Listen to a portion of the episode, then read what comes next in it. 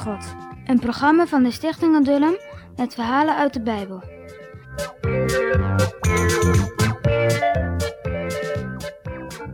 Ismaël en Isaac. Weer was het feest. Isaac was jarig. Hij was al een jongen van drie jaar. Er kwamen veel mensen om het feest mee te vieren. Iedereen was blij. Nee, niet iedereen. Hagar was er niet bij en Ismaël ook niet. Hij was een grote jongen van zeventien jaar. Hij zag wel dat Sarah en zijn moeder, Hagar, boos waren op elkaar. Hij wist ook waarom. Zijn moeder had er me alles van verteld. Je zult het zien, Ismaël, zei ze. Die Isaac krijgt nu straks alles wat van je vader is, eh, en jij krijgt niets. Ismaël wilde wat graag in de plaats van Isaac zijn. Daarom gaf hij zijn moeder gelijk.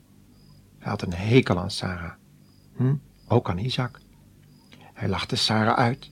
Hij kon Isaac niet uitstaan. Hij plaagde zijn kleine broertje zoveel hij maar kon. Het kwam omdat hij eigenlijk opgestookt was door zijn moeder. Dat was heel lelijk van Hagar en van Ismaël zelf ook. Maar er was er nog één die een hekel aan Isaac had. Dat was de duivel. De duivel wist dat uit de kinderen van Isaac later eens de beloofde verlosser zou geboren worden, en dat wilde de duivel niet. Want dan zou hij de strijd tegen God verliezen.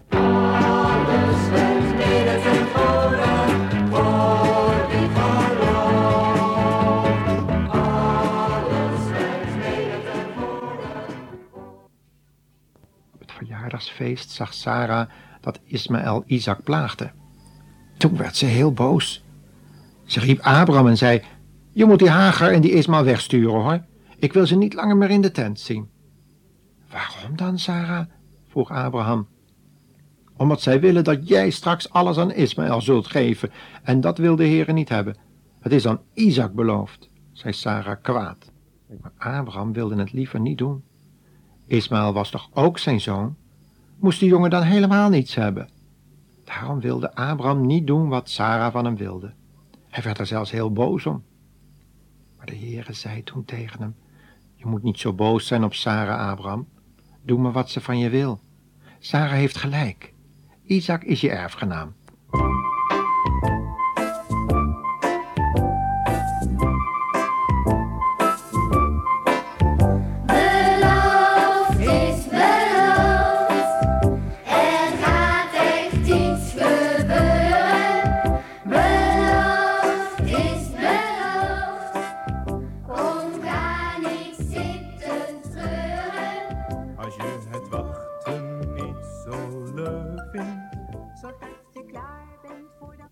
Toen zweeg Abraham, want hij wilde de Heere natuurlijk niet tegenspreken.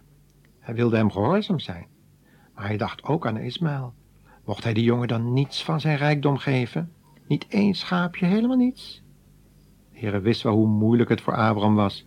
Daarom sprak hij vriendelijk met hem. Stuur Hagar en Ismaël nu maar weg, Abraham, want ik heb je toch beloofd dat ik voor Ismaël zal zorgen. En ook hij zal heel rijk worden. Maar aan Isaac heb ik een nieuw hart gegeven, een nieuw leven. De andere morgen, heel vroeg, stond Abraham op. Hij maakte Hagar en Ismaël wakker en zei dat ze weg moesten gaan. Hij gaf Hagar een brood en een kruik met water en daarmee stuurde hij ze weg, voor altijd. Abraham was wel diep bedroefd, maar hij dacht eraan dat de Heere alles deed om zijn bestwil en ook dat de Heere nu wel voor Ismaël zorgen zou. Dat is wel eens heel moeilijk te begrijpen, hè? Maar Ismaël ging de wereld dienen en daarom was er voor hem in Abrahams tent geen plaats.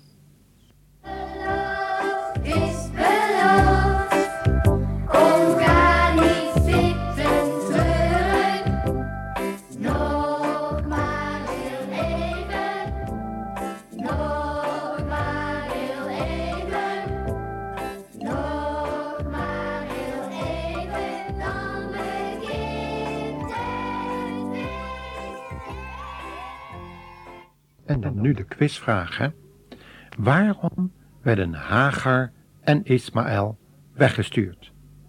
Dus nog een keer. Waarom werden Hagar en Ismaël weggestuurd.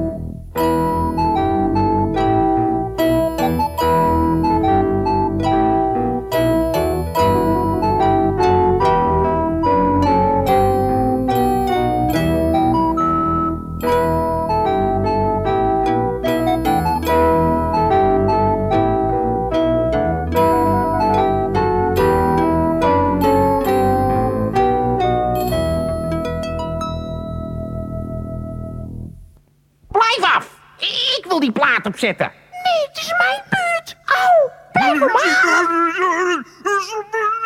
Jongens, Hij is begonnen. Hij trok aan maar. Helemaal niet. Ik trok helemaal niet aan daar. Hé, hey, Bontje Blauw, dan moet je niet gaan liegen. Ik lieg niet. Wel eens.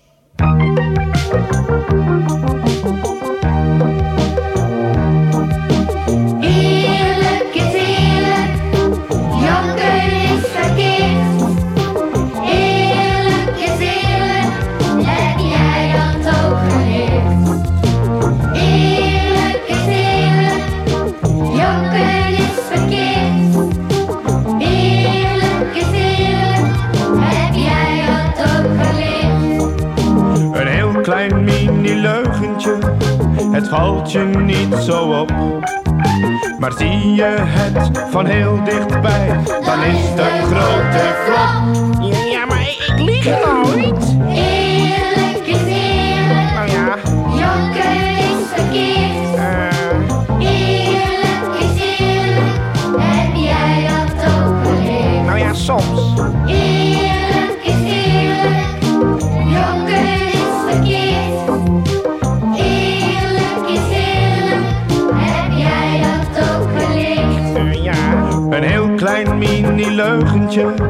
Het valt je niet zo op.